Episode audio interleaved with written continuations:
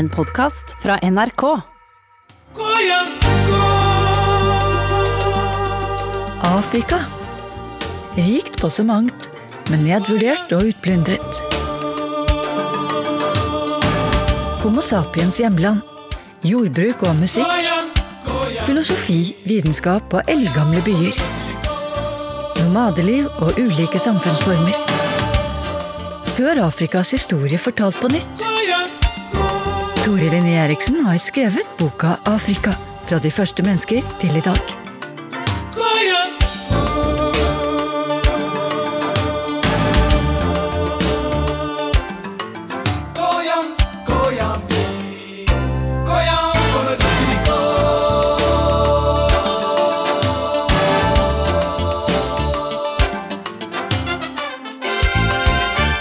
I århundrene etter vår tidsregning vokser det frem byer og statsdannelser, og handel med jordbruksprodukter og gull blomstrer rundt om i det nordlige og vestlige Afrika.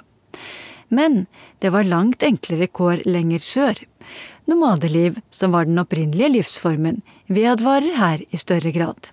I det østlige og sørlige Afrika så var det i veldig beskjeden grad, nesten i det Sør-Afrika ikke i det hele tatt, det vi kaller jordbruk. Det vanlige her eh, var å knytte sin livsform eh, til husdyr, ikke alltid det engang, eller til en nomadisk livsform. Men så skjer det forandringer her også. Nomadene skal etter hvert bli trengt over i stadig karrigere områder. Ved inngangen til vår tidsregning begynner jordbruksfolk fra Vest-Afrika å vandre østover, blant annet til høylandet på østkysten. Også fra områdene langs Nilen vandrer folk sørover. Dermed oppstår det kulturelle møter langveisfra mot det østlige og sørlige Afrika, med den kunnskapsutvekslingen som det medfører. Så hva skjer, og hvordan går det med nomadene og deres livsform?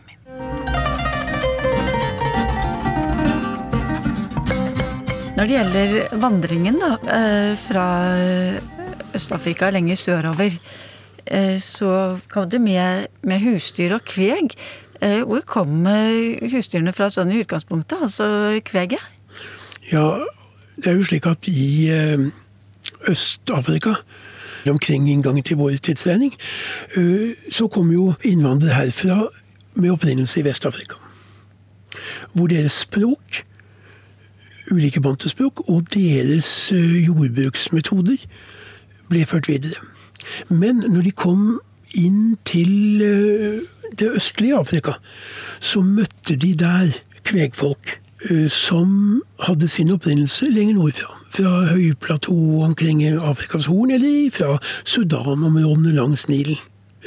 Så man kan si at det er kombinasjon av eh, jordbruk vestfra og eh, husdyrhold med sterk dominans av kveg nordfra, som smelter sammen i Øst-Afrika.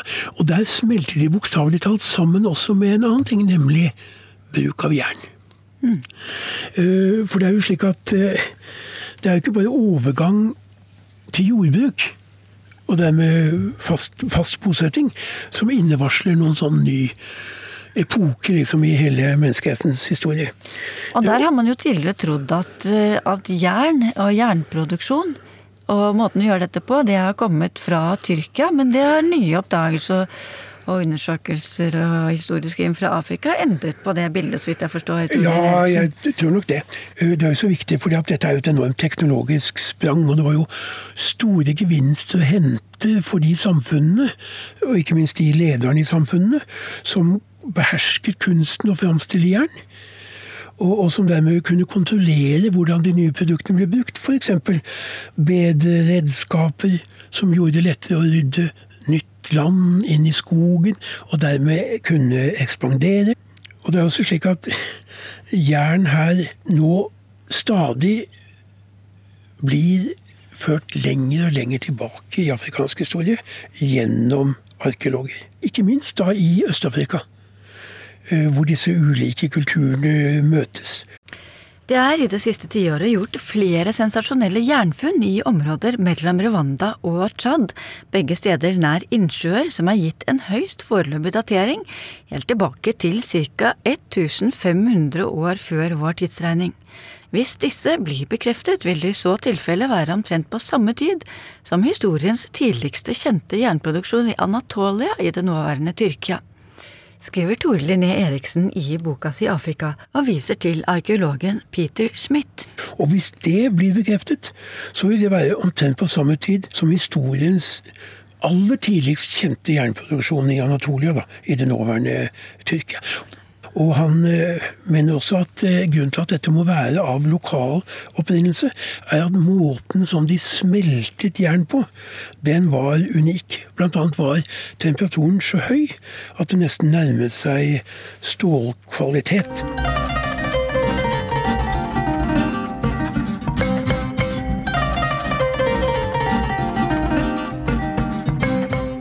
Møtene i Øst-Afrika ved inngangen til vår tidsregning skaper altså nye blandingskulturer, forteller Tore Linné Eriksen.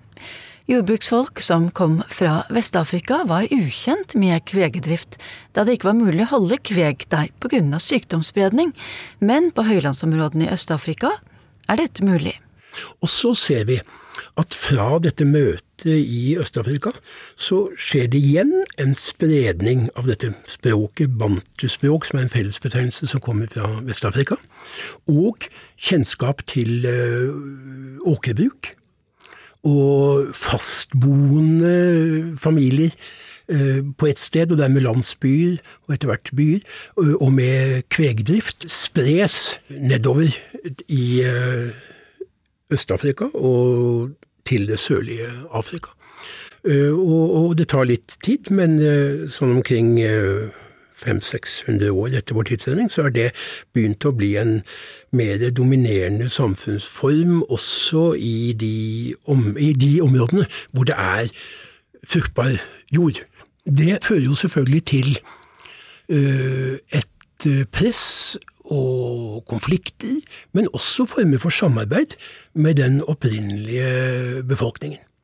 Som eh, da bodde fra før og hadde sin livsform knyttet til eh, stort sett til jeger-, sanker- og fiskervirksomhet, en nomadisk livsform.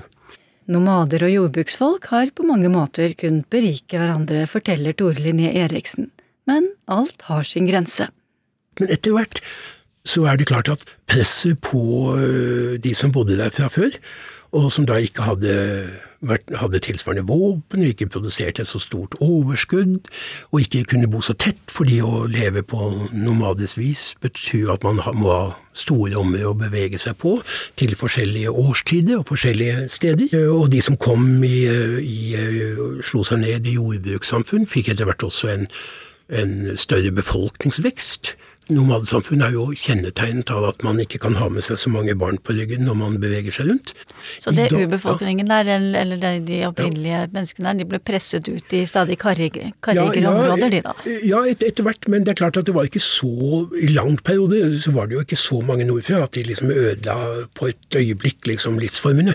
Det mest alvorlige skjedde jo i, akkurat i Sør-Afrika, skjedde jo selvfølgelig gjennom tidlig kolonisering, som jo i akkurat de sørligste delen av sørvestlige delen av Sør-Afrika skjedde allerede fra midten av 1600-tallet.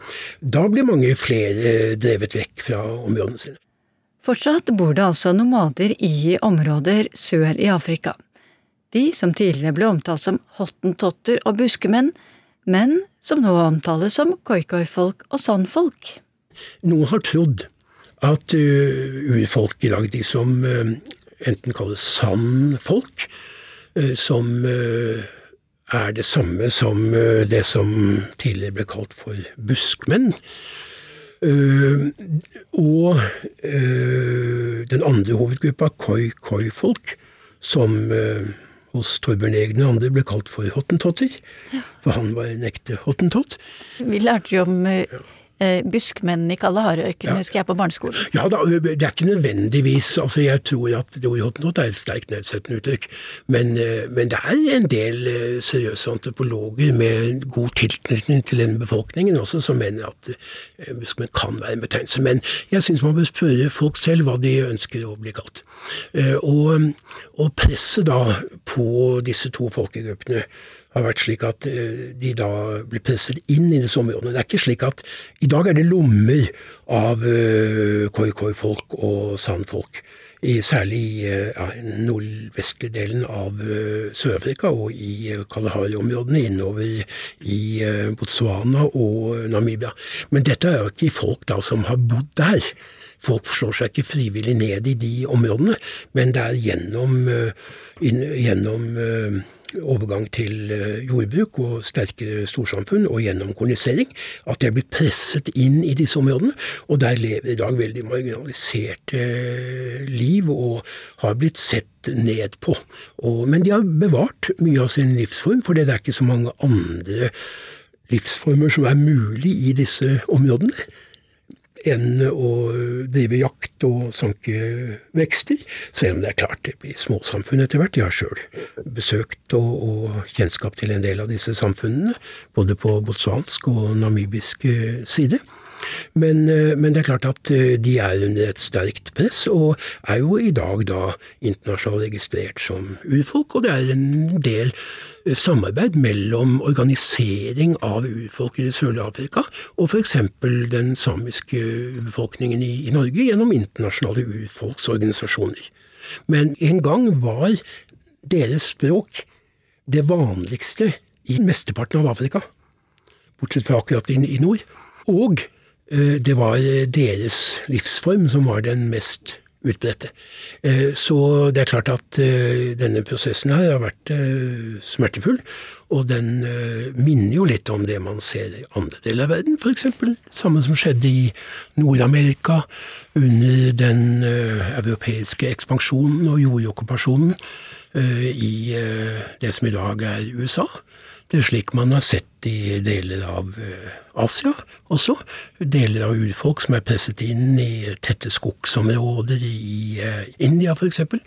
Og, og urfolks pressing ut fra områder i eh, nordiske land.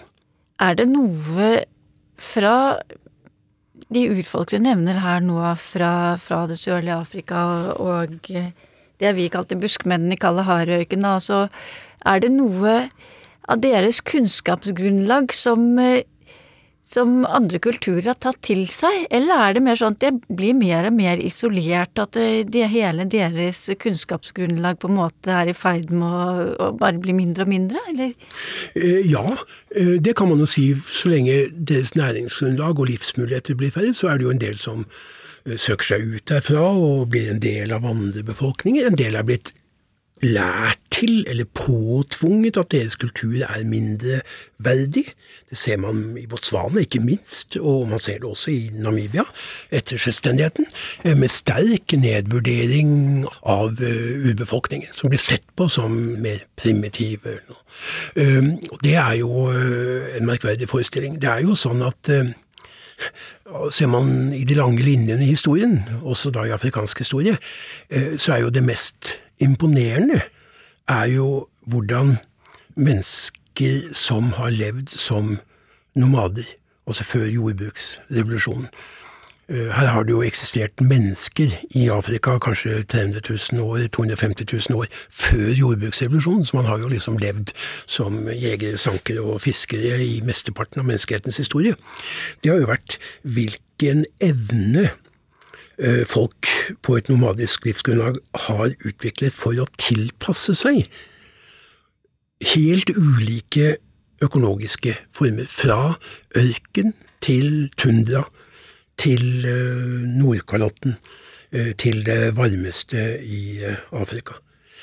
Og det må jo tyde på en ganske stort kunnskapsgrunnlag og evne til å utnytte de ressursene som finnes, og evne til å utvikle kunnskap om eh, jord, om dyr, om dyrespor, om hvor vekster finnes i forskjellige deler av året, eh, hvor mye jorda kan tåle av eh, belastning, og etter hvert også utvikling av kunnskap om hvordan man tar seg over til øyområder, altså med flåter og hele, Mennesket er jo det eneste dyret som historisk har vært i stand til å bevege seg til alle områder mm. i, og livsgrunnlag. Og det er jo den nomadiske befolkningen som har utviklet denne kunnskapen og denne tilpasningen. Og det fortjener en veldig dyp respekt og ganske mye som man burde kunne ta til seg av lærdom om varsomhet overfor naturen. Kanskje i den tid vi går inn i nå, med svekkelse av naturgrunnlaget og en mulig klimakatastrofe, eh, så er det helt klart at, eh, at det er mye kunnskap å, å hente eh, fra deres tenkemåte og livsform.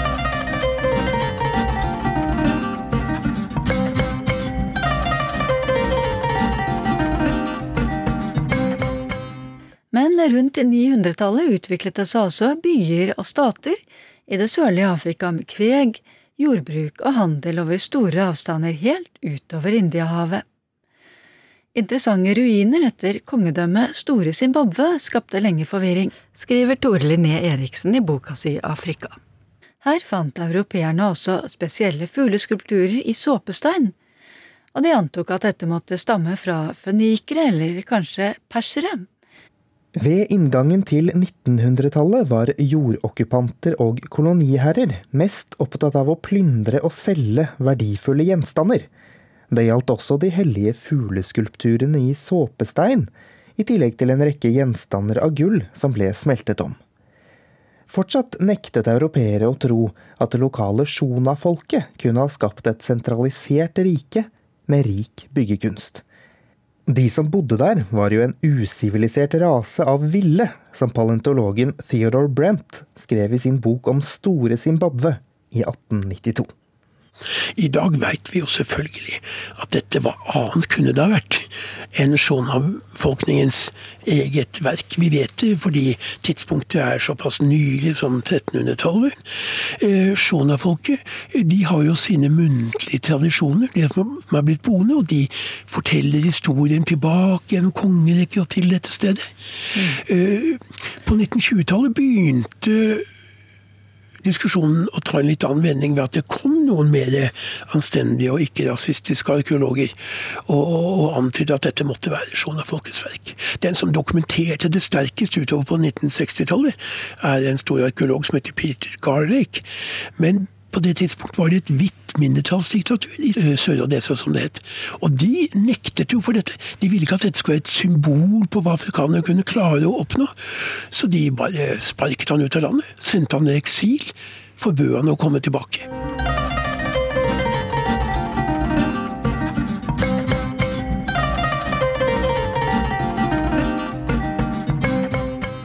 Reising over havet, også Indiahavet, foregikk lenge før Vasco da Gama angivelig oppdaget sjøveien til India. Der hadde afrikanere reist i over 1000 år, før portugiserne ankom rundt år 1500. Det foreligger detaljert historieskrivning fra berberen Ibn Battuta, som reiste til over 50 land, også til Kina og India på 1300-tallet og dette utgjorde nok en spennende kulturell utveksling på Øst-Afrikakysten. Ja, for det første, Ibn Matuta, han, øh, fordi at han ikke bare var muslim, men han var også en rettslærd, øh, som gjorde at han kunne få arbeid og bli tatt vel imot rundt omkring i verden. Og det sier jo litt om islam som et slags verdenssystem. Men når han er en så interessant kilde også, så er det fordi han er en av de første som har beskrevet eh, på arabisk da, eh, om Øst-Afrika-kysten. Og mens det har vært slik at en stor del av Afrika, som vi har hørt tidligere, vendte ut mot Middelhavet og ble formet av Middelhavets historie. og vi senere skal høre hvordan eh, Afrika gjennom slavehandelen ble koblet inn i Atlanterhavets historie, eh, så vet vi jo at store deler av Øst-Afrika, helt ifra Somalia i nord og ned til Sør-Afrika i sør, jo også vendte ut mot et hav, nemlig Indiahavet. Og da Ibn Battuta kom nedover langs kysten og beskrev den, og kom helt ned til øya Kilva, eh, som eh, var eh, på det tidspunktet midt på 1300-tallet kanskje den største av handelsbyene langs hele Øst-Afrika-kysten, så kunne han beskrive et levende handelssentrum. Og han hadde underveis kunnet beskrive hvor stor del av kystbefolkningen som drev ikke bare med fiske, men som drev handel på tvers av Indiahavet. Opp først mot den arabiske delen av verden, men også videre til India og til Kina. Det vil altså si at før 1300-tallet, i hvert fall fra inngangen til vår tidsregning og fram til 1300-1400-tallet, eh, så var hele Indiahavet Kanskje er det verdens handels- og kultursentrum. Hele området. Arabiske verden, Øst-Afrika, Kina, India, og i og for seg over øyområdene Indonesia. Eh, krydderøyene hvor det var handel med varer, sånn som gull, elfenbein fra det sørlige Afrika. Eh, med India var det omfattende, for India var jo på dette tidspunktet fram til 1500 var jo verdens ledende produsent av eh, tekstilvarer, bomullstøyer.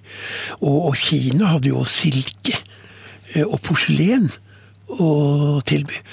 Så her, mens store deler av Europa var en slags fattig utkant, en slags sånn uinteressant steinrøys, eh, så var det jo her veldig mye av historien utspilte seg. Og det var ikke da bare eh, handel og skipsfartskontakt, men det var jo også en kulturell møteplass. Hvor det er uh, skipsfolk og handelfolk som dels er arabere, dels persere, dels jøder, dels indere, dels kinesere, dels folk fra Java. Og de møtte møttes jo her og utvekslet religioner, tanker, erfaringer.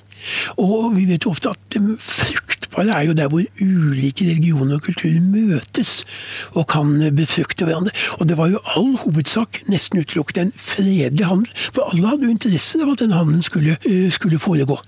Men det er slik at monsunvindene som er de som bringer regn til store deler av Afrika, og ikke minst til India og deler av Asia, de skiftet jo en gang i året. slik at Den ene delen av året så blåste de vindene til Øst-Afrika. Og andre delen av året blåste den andre veien. Slik at du kunne bare følge med vindene med skipene og komme til Øst-Afrika. Hvis du da ikke rakk båten tilbake, for å si det litt enkelt, så måtte du bli der et år. Og det gjorde at en del slo seg ned. Og de stiftet familier, og de utviklet ikke bare varer, men gener. Og du fikk en slags blandingssivilisasjon som i dag er kjent som swahili-sivilisasjon, som er en afrikansk sivilisasjon. Og swahili er et afrikansk språk. Det ble kanskje en mye rikere kultur da, når de var der borte et helt år og fikk til, tatt i seg mye i dybden av kulturen og Ja, i høyeste grad ble det jo et eh, slags flerkulturelt fellesskap. Ehm, det skapte ikke splittelser og, og småkriging og sånn, det? altså? Vi har ikke noe særlig tegn på det, fordi alle var jo interessert i at handelen skulle foregå. Derimot, etter at Ibn Batuta, som vi snakker om, hadde vært der, hadde han kommet ikke midt på 1300-tallet, men 200 ehm, år senere, så ville han beskrevet en kyst i forfall og et Indiahav i krig. For da kom det et nytt innslag før slutten av 1400-tallet. Og det var jo den portugisiske ekspansjonen først, som en del av den europeiske ekspansjonen. Og Vasco do Gama, som jo er kjent i våre skolebøker for å ha funnet sjøveien til India, han kom oppover langs Øst-Afrika-kysten og, og plyndret Kilwa fullstendig og ødela byen. Hans tropper. I Mombasa så ønsket en leder i Mombasa å alliere seg med Vasco da Gama og håpe at det ga handelsfordeler. Og derfra fikk jo Vasco da Gama med seg en los som hadde vært over Indiahavet mangevis av ganger. Kunne stå på dekk og si Vasco da Gama, mm. dette er kursen, så kommer du i skolebøkene. Men det nye nå at nå er det ikke lenger fredens hav. For Portugal var det viktig når de kom til Øst-Afrika-kysten, å bombardere byene.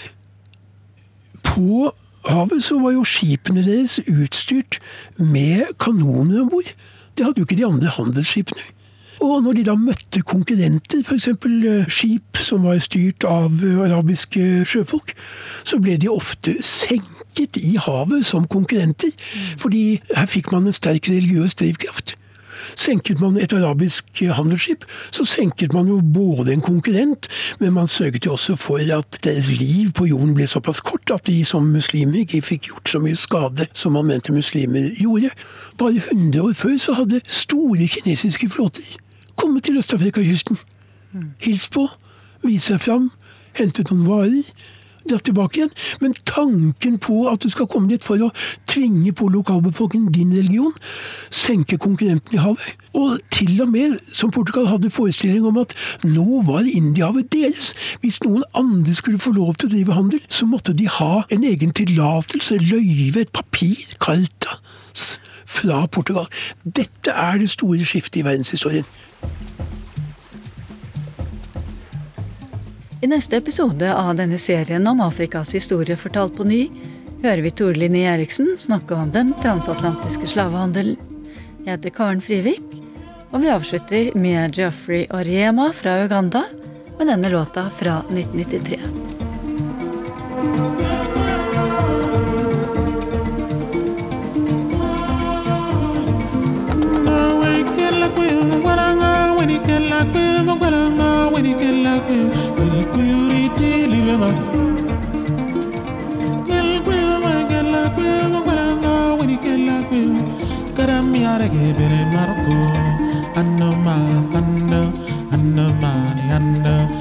Kella kweo El kweo tili dama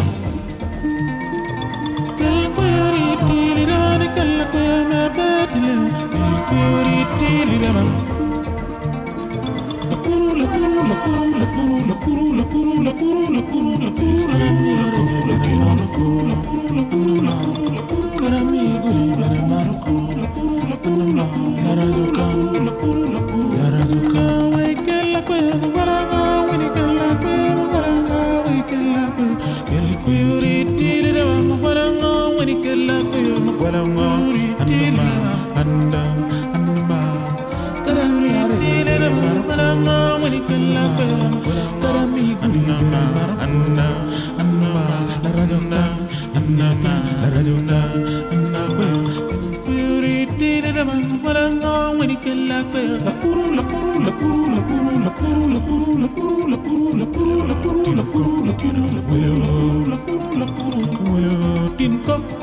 Liebe.